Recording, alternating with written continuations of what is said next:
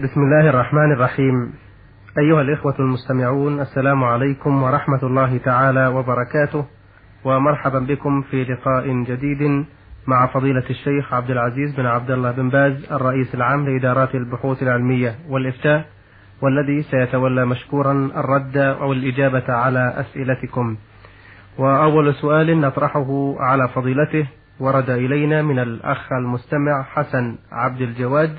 مصري الجنسية يقول في سؤاله لي طفل رضيع ولنا جيران مسيحي الديانة وأحيانا تحضر زوجة جارنا وهي مسيحية وتقوم بإرضاع الطفل في حال غياب أمه عنه. فما الحكم في هذه الحالة وهل يصبح أولادها إخوة لابني أم لا؟ بسم الله الرحمن الرحيم. الحمد لله وصلى الله وسلم على رسول الله. وعلى آله وأصحابه ومن اهتدى به أما بعد فإن الرضاع لا يشترط فيه الإسلام.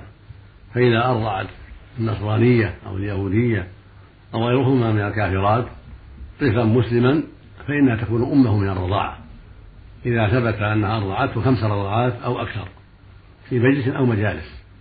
والرضعة يمسك الثدي الطفل ويمتص اللبن حتى يصل إلى جوفه ثم يطلق الثدي ثم يعود إلى بعد ذلك تكون رضعة ثانية وهكذا.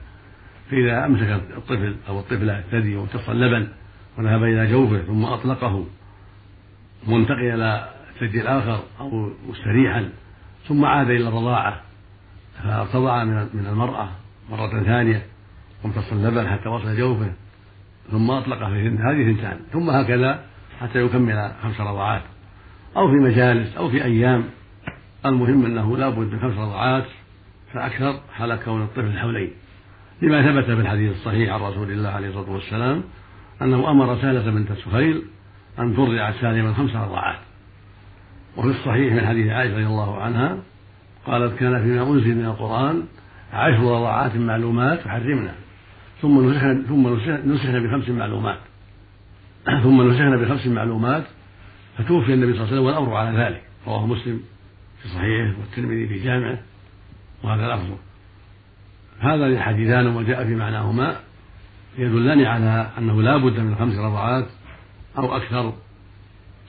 وفي الحديث الآخر لا رضاع إلا في الحولين يدل على أنه لا بد من كون الطفل الحولين فإذا تم الشرطان فإن المرضعة تكون أما للرضيع وإن كانت كافرة. ويكون أولادها إخوة له وإخوانها أخوانا له وهكذا. مثل الرضاعة المسلمة. نعم. نعم.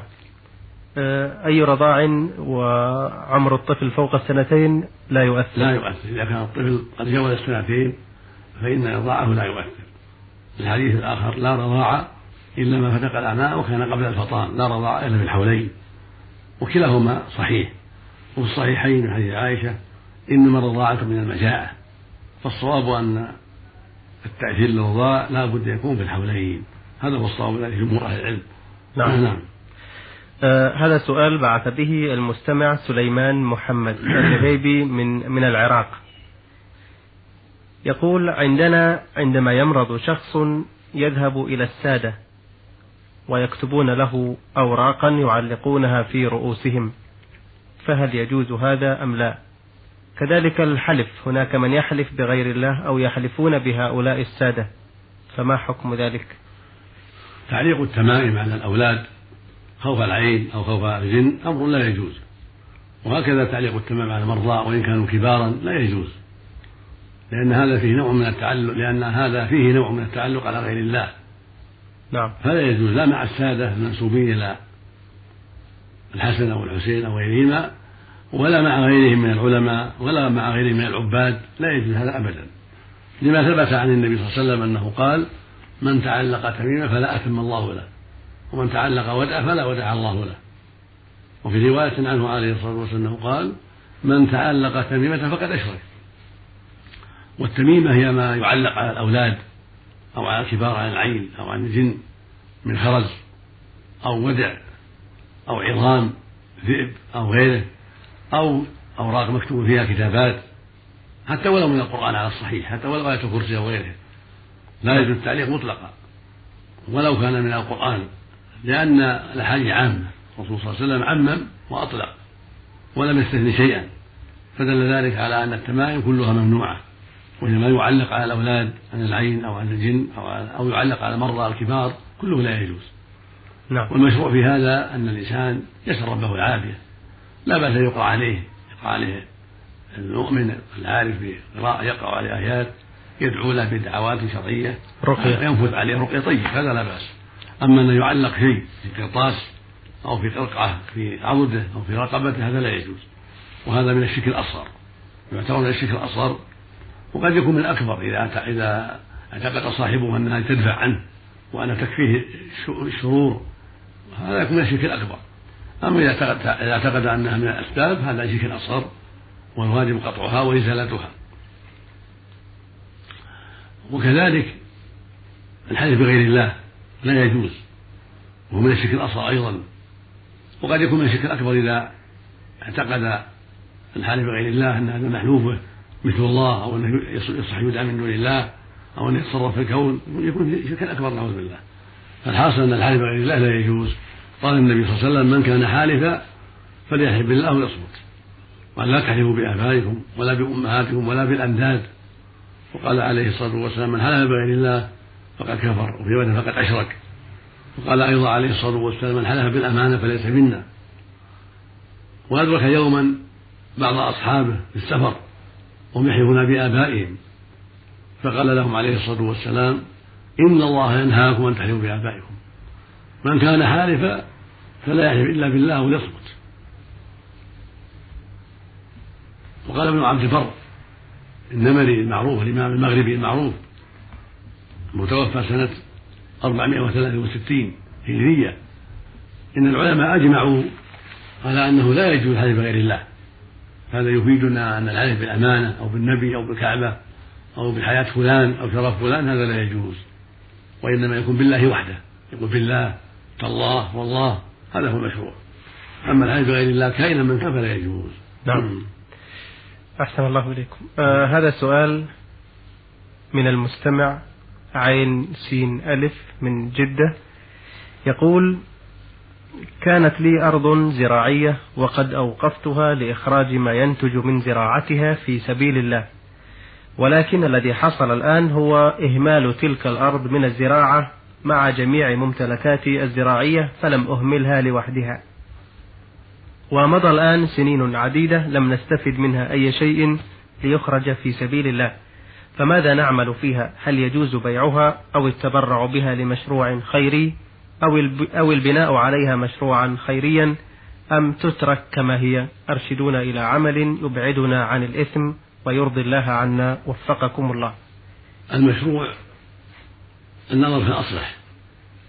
نعم. فإن تيسر أن تزرع وتنفق ثمرتها في سبيل الله من الصدقة على الفقراء والمساكين والمجاهدين وتعمير المساجد وأشباه ذلك فهذا طيب. فإن لم يتيسر ذلك فإنها تباع مثلا تجعل في عمارة تؤجر تدر على هذا المشروع خيرا تباع وجعل ثمنها في عمارة تؤجر تصرف أجرتها في سبيل الله في مصالح المسلمين. أو يباع بعضها ويعمر فيها عمارة يباع بعضها ويصرف ثمن المبيع في تعمير الباقي يعمر الباقي فلل أو عمارة وشقق ثم تؤجر وتنفق الأجرة في سبيل الله ومصالح هذا هو المشروع في مثل هذا. لا تعطل. نعم. نعم. لو باعها وأنفق قيمتها لا ما يصرف. لابد تبقى.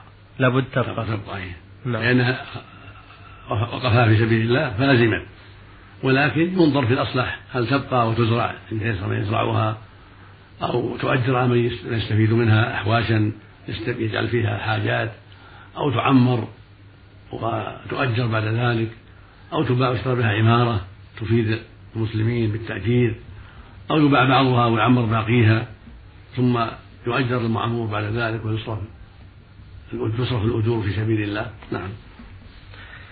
آه هذا السؤال من المستمع ميم ألف حاء من القاهرة شبرا مصر.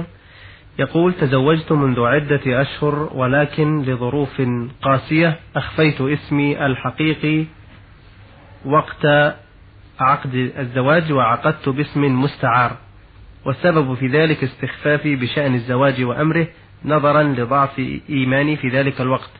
ولكن الآن والحمد لله اكتشفت أنني كنت في ضلال وقد ندمت على كل ما فعلت وعزمت على التوبة الصادقة إن شاء الله. وقد حيرني أمر هذا الزواج بتلك الصورة. فأرجو إرشادي إلى سبيل الرشاد. نعم. يقول تزوجت منذ عدة أشهر ولظروف قاسية أخفيت اسمي الحقيقي وقت عقد الزواج وعقدت باسم مستعار. والسبب في ذلك استخفافي بشأن الزواج وأمره نظرا لضعف إيماني في ذلك الوقت. ولكن الآن والحمد لله اكتشفت أنني كنت في ضلال وقد ندمت على كل ما فعلت وعزمت على التوبة الصادقة إن شاء الله وقد حيرني أمر هذا الزواج بتلك الصورة. فأرجو إرشادي إلى سبيل الرشاد والله يحفظكم. هذا السؤال فيه إشكال. نعم. و... وأرى أن يؤجل جوابه إلى حلقة أخرى حتى نتأمله جيدا وحتى لا نقول على الله بغير علم. المقصود أن هذا السؤال فيه بعض الإشكال ونرى أن يؤجل إلى إلى الحلقة الآتية إن شاء الله إن شاء الله بارك الله فيك نعم. آه هذا سؤال من الأخ المستمع حسين حسنين حسين يقول إذا خرج الرجل وسافر إلى أي دولة أو أي قطر عربي أو خلافه وانقطع عن زوجته مدة سنة أو سنتين أو أكثر عن ذلك ورجع بعد ذلك فما الحكم؟ عيد. يقول إذا سافر الرجل وخرج من بلده إلى أي دولة أو أي قطر عربي وانقطع عن زوجته مدة سنة أو سنتين أو أكثر عن ذلك ثم رجع بعد ذلك فما الحكم بالنسبة لزوجته؟ لا حرج في ذلك إن شاء الله. إذا كان في طلب الرزق أو في طلب العلم لا حرج في ذلك. وإذا كان يخشى أن يكون قصر في حقها وتساهل فإنه يستسمعها ويرجو منها السماح وعدم المؤاخذة فيما حصل من الطول. وبكل حال فأمر في هذا إن شاء الله واسع ولا سيما إذا كانت إذا كان الطول غير عن غير اختياره في طلب الرزق أو في طلب العلم فإنه في هذا يكون إن شاء الله معفوا عنه وأما إن كان من غير عذر بل تساهل فينبغي له أن يستسمحها ويقول يا بنت فلان أو يا أم فلان سامحيني قد قصرت وطولت السفر من دون عذر له أهمية. والمشروع لها أن تسامحه أيضا هي وأن تعفو عما سلف حتى تعود المياه إلى مجاريها وحتى تستقيم حتى تستقيم حال العشرة فيما بينهما. والله المستعان. نعم. نعم. آه، لو انقطعت أخباره عنهم في هذه الفترة فحصل مثلا أن تزوجت زوجته غيره أو هذا محل نظر إذا هي نعم. إذا طال عليها الفصل مدة نعم. في إمكانها أن ترفع أمرها إلى الحاكم الشرعي تطلب النظر في أمرها لأن الغائب مفقود مثل هذا ما يعجل في فسخها منه إلا بعد النظر من الحاكم الشرعي والتأمل. والغيبة تختلف. قد يكون قد تكون غيبة يرجى فيها السلامة ولا يخشى فيها الهلاك. قد تكون فوق غيبته يعني يغلب عليها الهلاك. فهو محل تفصيل. نعم. لكن ما دام رجع إليها وهي في عصمته ولم يتغير شيء فالحمد لله. الحمد لله. نعم.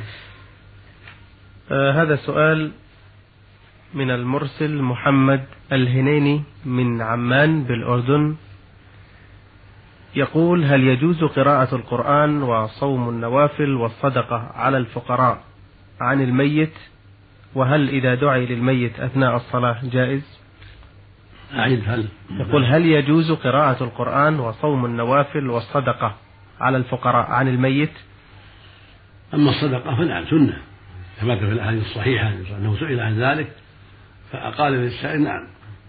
وبين أنها تنفع الميت الصدقة وقد أجمع المسلمون على ذلك. أن الصدقة الميت تنفع إذا كان مسلم تنفعه الصدقة.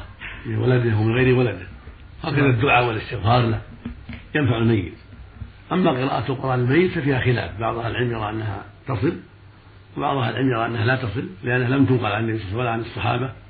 فالأولى أنه لا يقرأ القرآن الميت. هذا هو الأولى والأفضل والأحوط. بل يقرأ لنفسه. ويدعو لأمواته إذا ختم القرآن أو في أثناء القراءة يدعو لأمواته بالمغفرة والرحمة.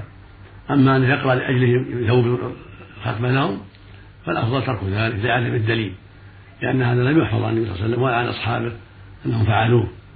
وذهب بعض أهل العلم إلى أنه لا بأس به مثل الصدقة لا بأس أن يقرأ القرآن ثم يثوبه لأبيه أو لأمه ونحو ذلك. ولكن الأفضل والأولى ترك ذلك. أما الصلوات فلا الصيام لا.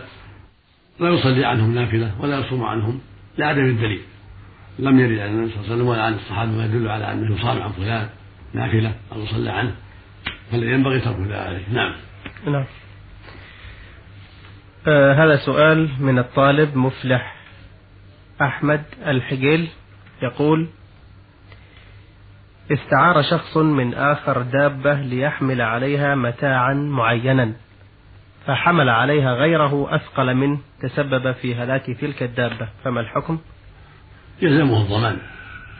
إذا استعار من دابة يحمل عليها فماتت نعم. بسبب ذلك أن حمل عليها أثقل فإنه يلزمه الضمان إلا يسمح عنه صاحب الدابة وإلا يلزمه ضمانها بقيمتها.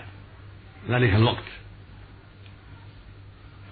ولو مات بسبب المحمول وإن كان المال فيه ففي الضمان خلاف إذا كان أخذ عارية مضمونة ضمنها ولو كان المحمول هو المأذون فيه. وإن كان أخذها غير مضمونة فهي أمانة. نعم. ولكن ما دام حمل عليها ما هو أثقل وفوق ما استأذن فيه فإنه يضمنها لتعديه. نعم. نعم. جزاكم الله خيرا. أيها الإخوة الكرام كان معنا في لقاء اليوم فضيلة الشيخ عبد العزيز بن عبد الله بن باز. وقد تفضل بالإجابة على أسئلة الإخوة المستمعين حسن عبد الجواد من جمهورية مصر العربية وسليمان محمد اللهيبي من العراق والمستمع عين سين ألف من جدة والمستمع ميم ألف حاء من القاهرة شبرا مصر والمستمع حسين حسنين حسين الذي وعد فضيلته بأن يراجع موضوع سؤاله ليتأكد من الإجابة عليه وسيستمع إن شاء الله إلى إجابة على سؤاله في حلقة قادمة. كذلك أجاب فضيلته على سؤال المستمع محمد الهنيني من عمان بالأردن والمستمع مفلح أحمد الحقيل من بلدة السرحان. مستمعينا الأعزاء إلى لقاء قادم إن شاء الله تعالى مع أسئلتكم واستفساراتكم الدينية ومع أصحاب الفضيلة العلماء ليتولوا الإجابة عليها. نستودعكم الله تعالى والسلام عليكم ورحمة الله وبركاته.